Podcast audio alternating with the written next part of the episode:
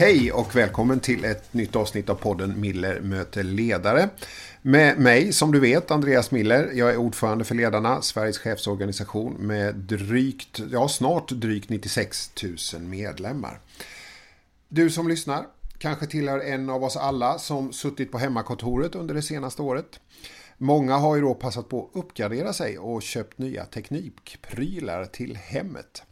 Pandemin har inneburit ett uppsving för e-handeln och där har dagens gäst och hennes företag kommit ut som vinnare kan man lugnt sagt säga. Varmt välkommen säger jag till dig Susanne Holmström, VD för elektronikkedjan NetOnNet. Tack så mycket. Ja. Hörru du, nu ser ju inte deltagarna, du och jag, vi pratar ju över Teams och så spelar vi in vår, på två ljudfiler det här, det här programmet. Men när man tittar på dig så så ser man ju då NetOnNet. Snabbt och enkelt står det bakom dig. Det är liksom en sån här eh, Teams-bakgrund som ni har skapat under den här perioden. Hur, hur har det varit för dig under den här pandemin? Det roliga är, jag måste bara kommentera, för det är faktiskt inte en Teams-bakgrund, utan nu står jag faktiskt i verkligheten med de riktiga kartonger bakom mig. Jaha. I en liten studio, så det var med att se själv, det ser ut som en liten bakgrund, men nu är det de riktiga kartongerna eh, bakom mig.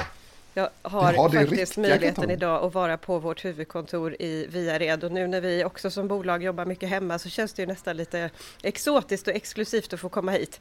Jag kanske är här någon ja. gång i veckan, men det är härligt att se. Vi är väldigt få här, men det är härligt att se några ansikten och att huvudkontoret står kvar. Så jag är väldigt glad, full av energi och mycket teknikprylar runt mig också här då, eh, eftersom ja. vi kör det här digitalt. Ja. Susanne, vi ska prata mer om det och mycket annat. Men innan det så ska lyssnarna få veta lite mer om dig. Susanne Holmström blev redan som 28-åring VD för Optimal Telekom. 2013 blev hon utnämnd till framtidens kvinnliga ledare, då i rollen som chef för kundservice på Tele2. Karriären har fört henne till vitt skilda branscher som telekom, försäkring och nu detaljhandel.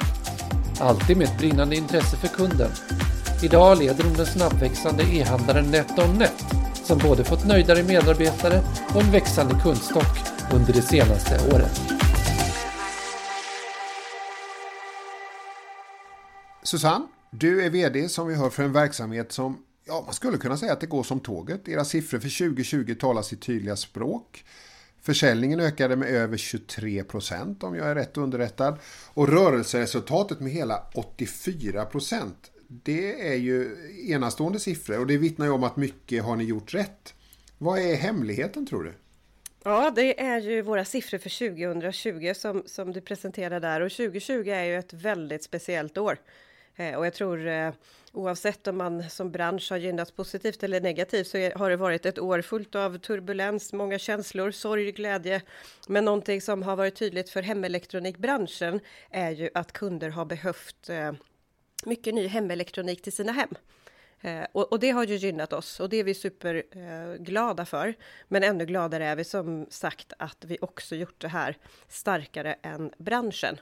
Och det har jag tänkt på mycket oavsett bransch. Vilka, varför faller några ut som vinnare och varför faller några ut som förlorare i en sån här turbulent tid? Och jag tror det som har gynnat oss är ju en tydlighet i eh, tre områden Eh, som jag tror eh, behöver vara på plats för att man ska kunna hantera den här typen av eh, turbulens som 2020 har medfört. Och det är att man har ett tydligt syfte, ett tydligt why i sin organisation. Att man har jobbat och har tydliga kommunicerade gemensamma mål uppe och en stark kultur som någonstans blir lite vägvisande eh, när man ska agera i en ny miljö. Och det där är jag så himla glad att jag fick ett år åtminstone på mig att, att jobba med med företaget. För jag tror det har gjort att vi har kunnat agera snabbt, varit modiga under det här året där man verkligen har behövt agera snabbt och hitta lösningar på utmaningar som vi aldrig har sett tidigare. Mm. Men du, du och jag träffades ju till ett seminarium om, e, om handeln i förändring tidigare under våren. Och då vet jag, då berättade du att eh, ni redan hösten 2019 Eh, började ställa om därför att ni såg att någonting hände i er kinesiska verksamhet. Vad, vad, vad, var det ni såg? Vad var det ni förutsåg där? Ja, vi har ju kontor i Kina, ett inköpskontor med ungefär 20 medarbetare.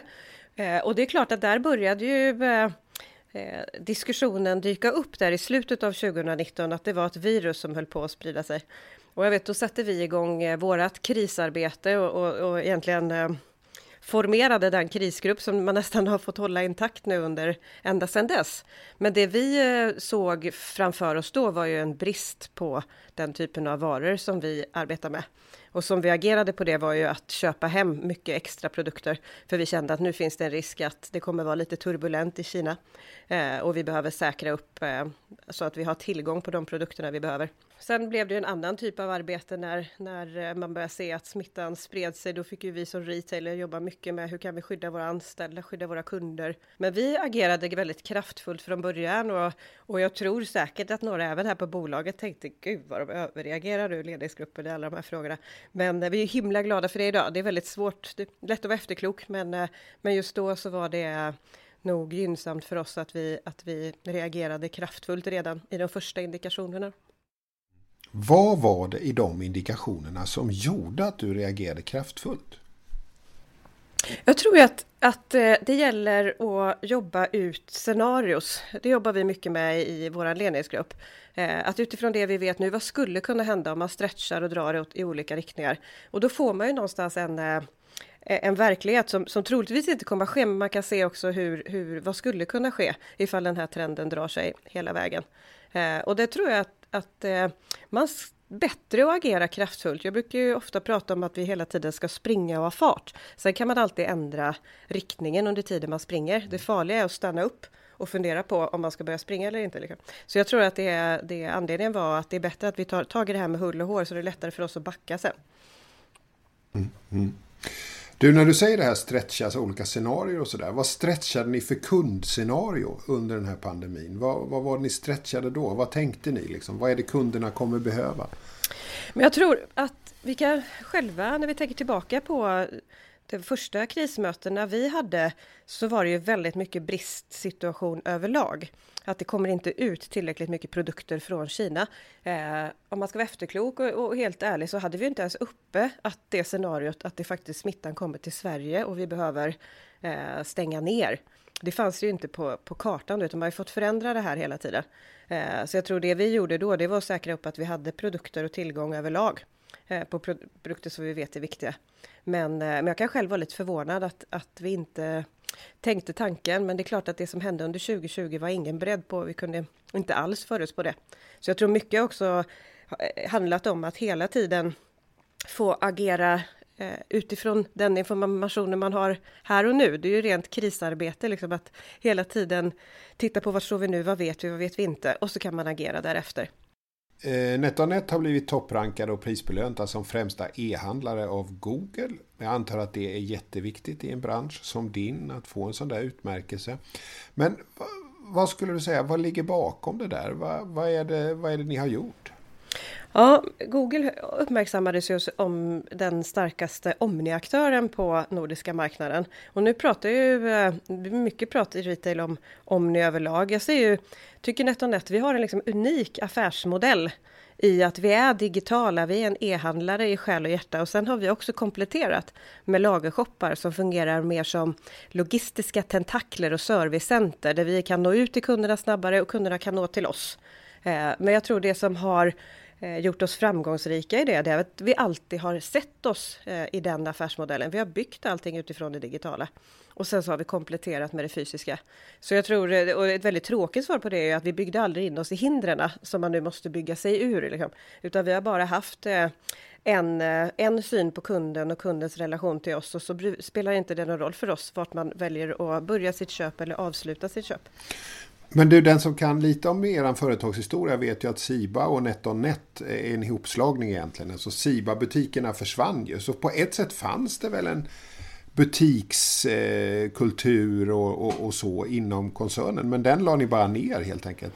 Ja, vi, eh, slogs ju samman, eller egentligen så ägarna till Siba eh, blev ju ägare till NetOnNet här 2011 eh, och då var nog eh, målet att eh, faktiskt låta de här varumärkena arbeta bredvid varandra. Man hade så otroligt olika affärsmodeller och synsätt. Samtidigt när man väl lärde känna modellen så såg man också att framtidens modell ligger ju i det digitala, ligger ju i det som NetOnNet har byggt upp och då togs beslutet av, ja, mer eller mindre att man lägger ner Siba och Siba butikerna och sen så valde vi att omvandla 17 stycken Siba-butiker till NetOnNet eh, lagershoppar då.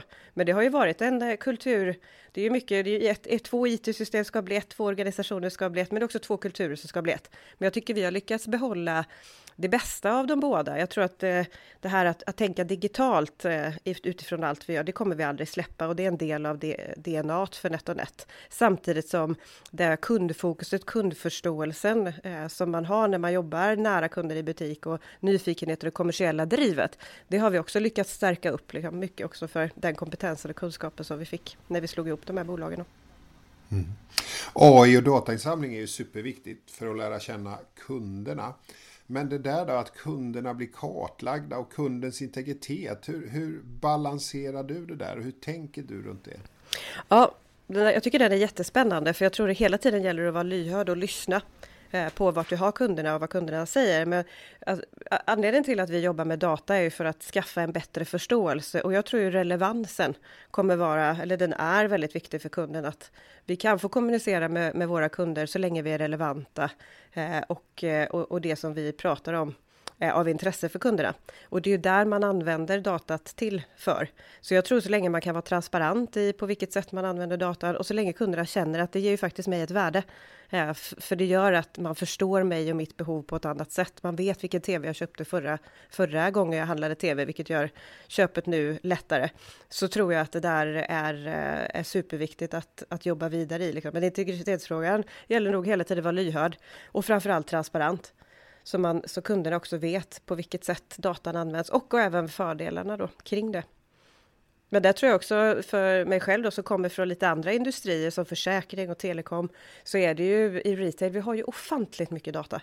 Tillgång till eh, kunderna visar oss varje dag just nu med, med sina köp eh, vad man efterfrågar och Eh, och på vilket sätt vi ska driva vår affär framåt. Så det där tror jag är någonting som vi som bolag eh, kommer bli bättre och bättre på, men även retail överlag, att verkligen jobba med det. Inte bara för att eh, ta fram egna analyser, men sen på sikt också låta datat vara det som faktiskt hjälper dig eh, i att möta kunden på det bästa sättet. Mm. Du, under den här så att säga våren och intåget skedde ju eh, förra året. Men, men, eh, eller om det var det, men Amazon i alla fall, det amerikanska e-handelsbolaget har ju klivit in på svensk marknad. Jag kan inte exakta datumet i huvudet nu, men, men eh, jag vet när du och jag pratades vid tidigare i våras så sa du att vi kommer underskatta det där på, vi kommer överskatta det på kort sikt och underskatta det på lång sikt. Är det en är du kvar i den tanken? Ja, men jag tycker att eh, vi absolut är kvar i den tanken. Jag tycker det, det är så med ganska mycket eh, teknik. Framförallt och skiften och utveckling, att man har himla lätt att överskatta det på, på lite kortare sikt, men också underskatta det på längre sikt. Eh, så det är ju fortfarande så vi, vi ser på det. Man kan ju personligen nästan vara lite omfamna det faktum att de äntligen är på marknaden och vi kan börja förhålla oss till varandra. Det har varit väldigt mycket spekulationer i många år. Eh, och jag tror nu, nu eh, lär vi känna varandra. Än så länge så ser vi inte att eh, Amazon konkurrerar särskilt hårt på de kat stora kategorierna för oss. Men vi vet ju också att Amazon har aldrig lämnat en marknad. Man kommer vara kvar och vi ser ju goda förutsättningar att kunna samexistera med en aktör som Amazon genom att fokusera på vårt nav, liksom kombinera det digitala med det fysiska. Men eh, jag tycker man, vi har stor respekt för vart retail utvecklas på längre sikt liksom, och de här aktörerna, de internationella aktörerna och andra, andra trender. Så jag tror retail håller också på att förändras. Eh, men med samma eh, input där då att det är lätt att överskatta och tro att det där sker nästa år eller kommande år år. Liksom. Det är eh, säkert längre tid i förflyttningarna, men de kommer nog vara väldigt stora. Eh, Susanne, nu är du vd för NetOnNet, men du var 28 år när du blev vd för Optimal Telekom och det var också första gången du fick personalansvar. Kan man ju tänka ett modigt steg för en, en ung person, 28 år gammal. Men om vi skulle liksom gå ännu längre tillbaka i tiden, när, när blev du för första gången intresserad av ledarskap?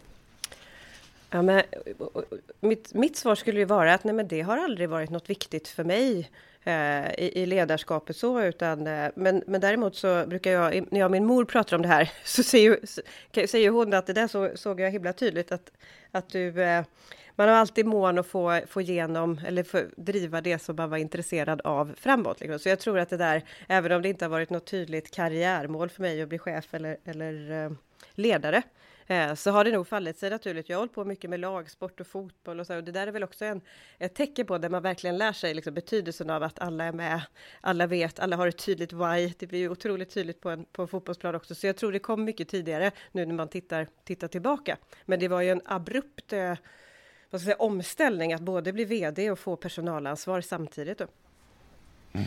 Men du, alltså om du, om du, om du, skulle, om du skulle titta om du, om du säger fotbollen där, vad, vad, fick du för position i fotbollslaget? Men jag, ofta, eh, eh, mycket tid så hade jag den här mittpositionen, lite, lite libero i mitten, mittfältet. Och, och, det där kan väl också vara en så här, man hade med koll på allting, eh, koll på helheten, koll på laget. Jag kanske inte var tillräckligt bra på att göra mål, så jag fick inte vara fram. Jag var inte tillräckligt bra på att skydda mål, men jag kunde stå i mitten och se till att allting flöt på på ett bra sätt. Så det är ju väl, eh, och det är där jag gillar att vara kanske. Eh, och jag tror att det, det är väl också en eh, en framgång. Nu hoppas jag att jag tillförde något på planen såklart också, men jag tror att i min karriär så har det varit ganska mycket. Jag har alltid fått ägna mig åt saker som jag inte kan någonting om. Eh, och det där vet jag hade väldigt svårt för i, i början och kände mig liksom otillräcklig för att man inte satt på kompetensen och lösningarna. Samtidigt som jag har nog lyckats vända det till min största styrka också, att just kunna kliva in eh, i retail, har man aldrig jobbat med där, men att kunna någonstans förstå och hjälpa ett team komma till sin, till sin rätt och liksom bli sitt bästa jag. Jag har ju alltid varit väldigt beroende av att ha starka, riktigt starka kompetenta människor runt mig och sen kan jag få ut det bästa av teamet. Liksom. Och det är väl en, en typisk laganda liksom, och lag lagtank. Mm, mm. Ja, ja, verkligen. Det där att rekrytera rätt personer då, det är ett viktigt verktyg. Men vad skulle du säga, vad är det för, när du har det, vad är, vilka verktyg jobbar du då med för att få med dig din organisation? Ja, men lite som vi pratade om här, vad som krävs för att liksom hantera ett, ett, turbulent år, eh, så tycker jag att det är det som ofta behöver vara på plats för organisationer också.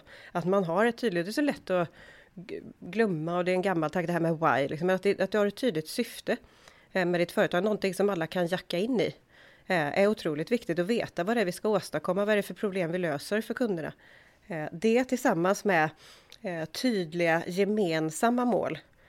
Och det är också så här, alla vet att det är så himla viktigt samtidigt som det inte alltid det där eh, linjerar. Jag tror vi, vi jobbar mycket med våran styrmodell där vi sätter de övergripande målen först. Liksom. Alla ska veta när vi firar tillsammans, hela bolaget. Sen är det klart att det betyder olika för olika avdelningar. Man har olika mål och till mig personligen så kanske jag har helt andra eh, mål. Men man ser också hur det jackar upp till en helhet. Det där tror jag är också superviktigt att, att ha på plats. Och sen också skapa en kultur eh, som och, eh, som både är stark och sund och kanske jobbar mycket med mod. Mod är någonting som är otroligt viktigt tror jag för eh, för företag överlag och för mig som person, att man hela tiden vågar. Eh, och, och, det är också så lätt att prata om att det ska vara okej att göra fel, men man måste verkligen visa det på riktigt. Eh, för det är först då man kan verkligen få bolag att ta stora steg. När man, när man på riktigt vågar och vågar ta ansvar. Och jag tror att det är också en del av framgången under vårat 2020, att vi har haft i varje del av företaget så har man känt ett stort ansvar för det man håller på med. Och man har inte väntat på, på, på, att någon ska berätta hur man gör, utan man har varit modig och vågat ta beslut, även om det har varit på en osäker miljö. Och det där gäller ju framförallt i retail, när man tittar varje inköpare har ju ett otroligt stort ansvar och det är så himla lätt att göra fel. Du köper för lite, du köper för mycket, du köper fel, det kommer sen. Men att hela tiden våga, våga ta besluten för att ligga på är ju eh, ofantligt viktigt. Det sägs att du ibland själv är ute i lagershoppen och då sätter du på den ny på jobbet-knappen. Eh, eh, hur ofta händer det där? Ja, men det är, jag har den på mitt skrivbord här i, i Viared och så, jag börjar nästan bli så här, undrar hur länge jag kommer få ha på mig den. Liksom. Nu har jag varit på, på bolaget i två och ett halvt år, så fort jag kommer ut i lagershop så är jag fortfarande väldigt ny på jobbet. Så här, och jag gillar att ha på mig den, för kunderna har ju en eh, en, en, helt annan förståelse då för, för de som jobbar i laghopp. Vi har stor respekt. Det är så himla mycket produkter att ha koll på. Eh, och kundernas frågor, det kan beröra precis allt möjligt och alla IT-system eh, man ska ha koll på. Men nu har det blivit alldeles för lite under det här året. Eh, då vi eh, och jag också har försökt liksom undvika, vi behöver ju såklart ha våra, våra, all vår fantastiska personal i lagershopparna, men jag själv har inte kunnat och, och inte rest runt lika mycket. Men, eh, men så fort vi kan det så, så gör jag det så ofta som möjligt. Och jag gillar fortfarande att ha på mig lappar. Jag hade faktiskt en, jag hade sett en, en kund kom och jag, jag vet inte vad jag hade hjälpt till med, men det blir ju lite taffligt. Men man får ju en god förståelse då eftersom jag är ny på jobbet. Så fick jag en kram av den här kunden och det var ju innan covid. Och så tog hon tag i mig i axlarna och så sa det, kommer, det här kommer gå bra ska du se. Jag ska säga till han i kassan att du gjorde ett bra jobb med mig. Du kommer få anställning tror jag. så fantastiskt fin liksom. Och, och, och, och, då sa inte du till henne att, då sa inte du vem du var? Nej, verkligen inte, utan jag kände att det var eh, hon, eh, hon hon eh, gjorde en fin gärning och jag eh, fick, jag tror faktiskt att det var ett av mina stoltare ögonblick liksom under det året. Att faktiskt kunna få hjälpa en kund på det sättet. Mm. Det var roligt. Du, du har ju varit inne på det, men du har ju lyft flera gånger i det här samtalet och tidigare också att det är eh, vikten av att vara en god ledare ibland kan vara viktigare än branschkompetensen. Eh, om, om du skulle vikta det där nu med många erfarenhet och så, branschkompetens och ledarkompetens, vad, skulle, vad väger tyngst för dig?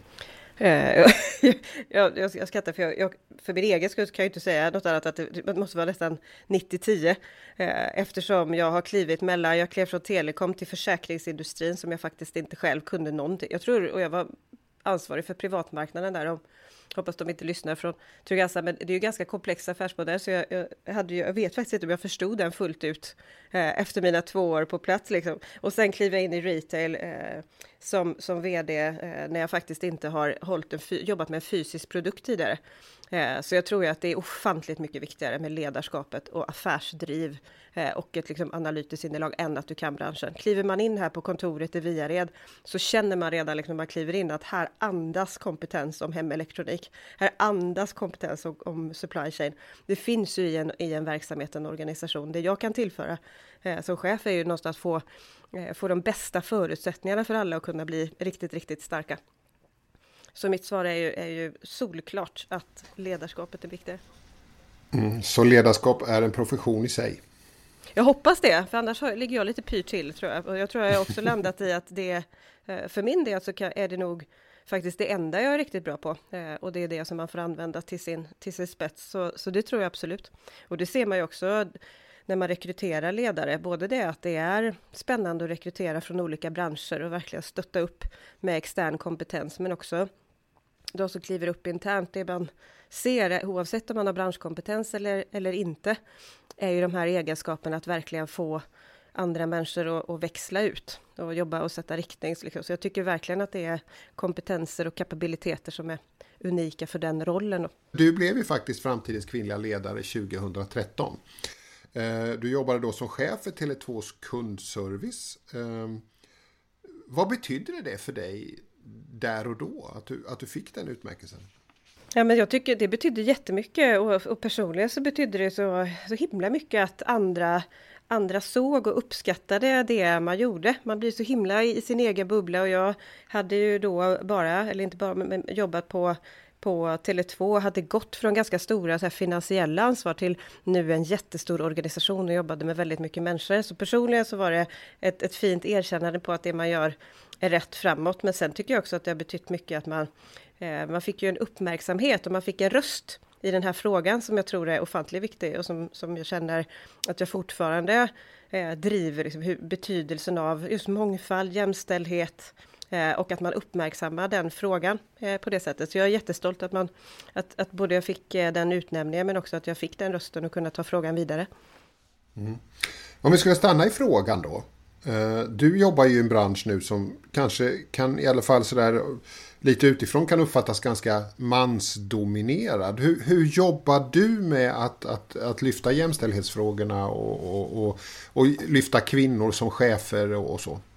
Jag tror ju verkligen att om man ska jobba med konsumentmarknad så måste det finnas ett mångfald som man representerar de kunderna som man har att arbeta med. Och jag tror ju verkligen på, på ett mångfald både utifrån eh, kön och kvinnor och män, men också ålder och också bakgrund, liksom, så att man får kraften ur och förståelse för alla typer av kunder. Men, men eh, här inom hemelektronik så är det ju, har det varit mest grabbar, så vi har ju jobbat mycket med den frågan, eller betydelsen av att skapa eh, mångfald och nu eh, så, ja men inför det här så, det är någonting som rör på sig hela tiden såklart. Men jag är jättestolt nu över att här på huvudkontoret i, i Viared, där, där vi jobbar, vi som jobbar eh, mera med kontorsjobbet, så är det nu en, en fullt liksom, jämställd ledningsgrupp där vi är 50-50 och alla chefsled inom organisationen är också 50-50 med kvinnor och män. Eh, så, och där, så såg det inte riktigt ut för några år sedan. Liksom. Och, man märker också att eh, det skapar ju bättre diskussioner, dynamik och framförallt då bättre resultat. Jag tror det är så himla viktigt. Det finns liksom inget eget intresse. Jag som leder bolag vet att mitt uppdrag är att förbättra resultatet, men jag tror ju att det här är ett viktigt medel för det.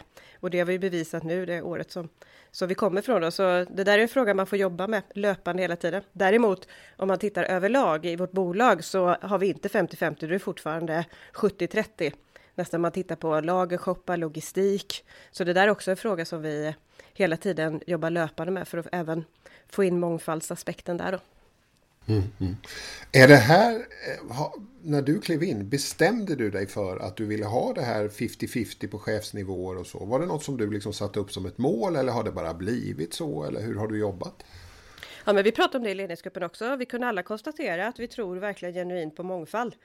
Eh, och, och, jo, men för mig, de som jobbar närmast mig, där har, där har jag haft det som mål att jag tror verkligen på mångfald och jag har velat skapa det utifrån, utifrån eh, både erfarenhet, externt, internt, ålder och så. Och även manligt, kvinnligt. Så sen har inte jag någonstans, jag har inte kvoterat till rollerna utan de som har klivit på har fått dem för att de var de absolut bästa. Eh, men jag tycker också att en viktig aspekt har varit att skapa en stark dynamik i gruppen. Ni har sålt mycket under året eh, och eh, människor har köpt saker hem och så. Men ni är ju i en del av ska säga, konsumtionsdelen av samhället. Eh, men och där pratar man ju mycket också om hållbar konsumtion. Hållbarhet är en viktig fråga för oss på ledarna. Vi säger att chefen är helt central i omställning till ett hållbart samhälle. Och ni lyfter också fram hållbarhet och jag vet att du har börjat fundera över cirkulär ekonomi och ni jobbar en del med det. Eh, hur, hur jobbar ni utifrån, jag vet också att ni knyter an till FNs eh, Agenda 2030-mål och så. Hur jobbar ni på Eneton.net? Jag tycker det är vi har ju alltid jobbat med, med frågan, men för mig, oss är det så otroligt viktigt att den blir integrerad i den liksom övergripande strategin. Det här är ingenting man gör vid sidan av, eller, utan, utan allt du gör behöver du ha ett, ett hållbart perspektiv på. Precis som du kanske har ett jämställt perspektiv när du rekryterar. Så att det blir en integrerad del av strategin. Men jag tycker vi har tagit ett, eh, ett jättesteg under, under det senaste året i att också knyta an och förstå liksom, våra prioriterade mål, hur knyter det an till det som faktiskt eh, världen ska uppnå, FNs globala mål? Så att det blir tydligt också att ja, men vi, även om, även om vi är en, en eh, Eh, i det stora sammanhanget liten aktör så blir det tydligt för, för oss och våra anställda på vilket sätt vi kan påverka och på vilket sätt vi ska påverka. Och det är många olika delar av eh, hållbarhetsarbetet. Det man kanske framförallt tänker på är ju miljön och produkterna. Eh, och där vi jobbar både med, vi har en stor eh, andel av den, de produkterna vi tar ut köper vi in själva och det är våra egna varumärken. Där har vi ett stort ansvar med hur vi jobbar med både produktionen av de produkterna och vilka leverantörer vi jobbar med och hur vi jobbar med dem. Men sen är det också eh, områden som eh, hur, vi, hur vi är på arbetsplatsen och att jobba med en hållbar, hållbara människor. Eh, och den tycker jag är otroligt spännande nu och framåt, liksom hur vi ska driva företagen nu. När, eh, det är väl också en touch av positivt med 2020, det ökade digitaliseringen har ju också gjort eh, att det finns en mer balans och kanske mer hållbart arbetsliv Eh, om man får till det på ett bra sätt, liksom att man faktiskt kan välja att göra det eh, från en annan plats än på huvudkontoret. Då. Susanne, väldigt kul att prata med dig. Eh, ditt företag har energi och framåtdrift och det känns att du har och det känns som att du förmedlar in det i företaget. Eh, jättekul att få snacka med dig. Vi börjar närma oss slutet av den här podden. Men du, du, du verkar ju i en otroligt expansiv, snabbväxande och skulle man kunna säga hårt konkurrensutsatt bransch. Eh, vad är ditt viktigaste råd för att liksom möta ett led, att, att ha ett ledarskap i den, här i den här verkligheten, möta de här möjligheterna och de här utmaningarna. Vad skulle du säga till en chef som är på väg in i ett, ett chefskap med de här utmaningarna? Vad skulle du säga då? Jag tror det finns eh, tre områden som är jätteviktiga. Framförallt om man jobbar i en, i en bransch som, där det rör sig mycket. Och det första jag varit inne på flera gånger, det är mod. Eh, att faktiskt våga, och det kan ju bara vara att personligen våga kliva på den rollen. Eh, våga kliva på att leda, men också mod att ifrågasätta, mod att tänka nytt i sin vardag, men också mod att faktiskt utmana kanske en industri på riktigt. Eh, har man inte det på plats så blir det så himla svårt. Och det är klart att man kan inte bara jobba med mod och eh, ha en organisation som varje dag ifrågasätter, men det tillsammans med en tydlig riktning gör ju att all den kraften tar sig eh, i, åt samma håll, vilket är superviktigt. Och en annan del tycker jag är så här, nosa nyfiket på på nya områden. Tiden är förbi då man kan göra de här femårsplanerna. Här är vi, hit ska vi, det här är de fem stegen dit. Liksom. Det kommer inte fungera så. Det gäller att ha en fart och en riktning och man kan, måste kunna parera över tid. Så, Eh, även om det kanske är ett trött uttryck, men den agila metodiken att faktiskt testa, testa i det lilla, se om det fungerar. Fungerar det så fortsätt, fungerar det inte så gör någonting annat. Liksom. Att man får den dynamiken i en riktning är också viktigt. Jättegärna involvera kunderna i det också, nosa på nyfiket på nya områden. Eh, och det eh, och lägga lite tid på det, för det finns ju inte obegränsat med tid och det är lätt att prioritera bara det som ger effekt här och nu. Men vi försöker disciplinerat också ha igång projekt som faktiskt nosar på helt andra nya affärsmodeller. Och sen tänker jag också mycket på 80-20-regel. Jag tycker ledare överlag lägger alldeles för mycket tid på att tänka ut strategier och planer och kanske allt för lite tid på att verkligen få dem att hända där man försöker, jag försöker vända på det och kanske ha 20-80 istället.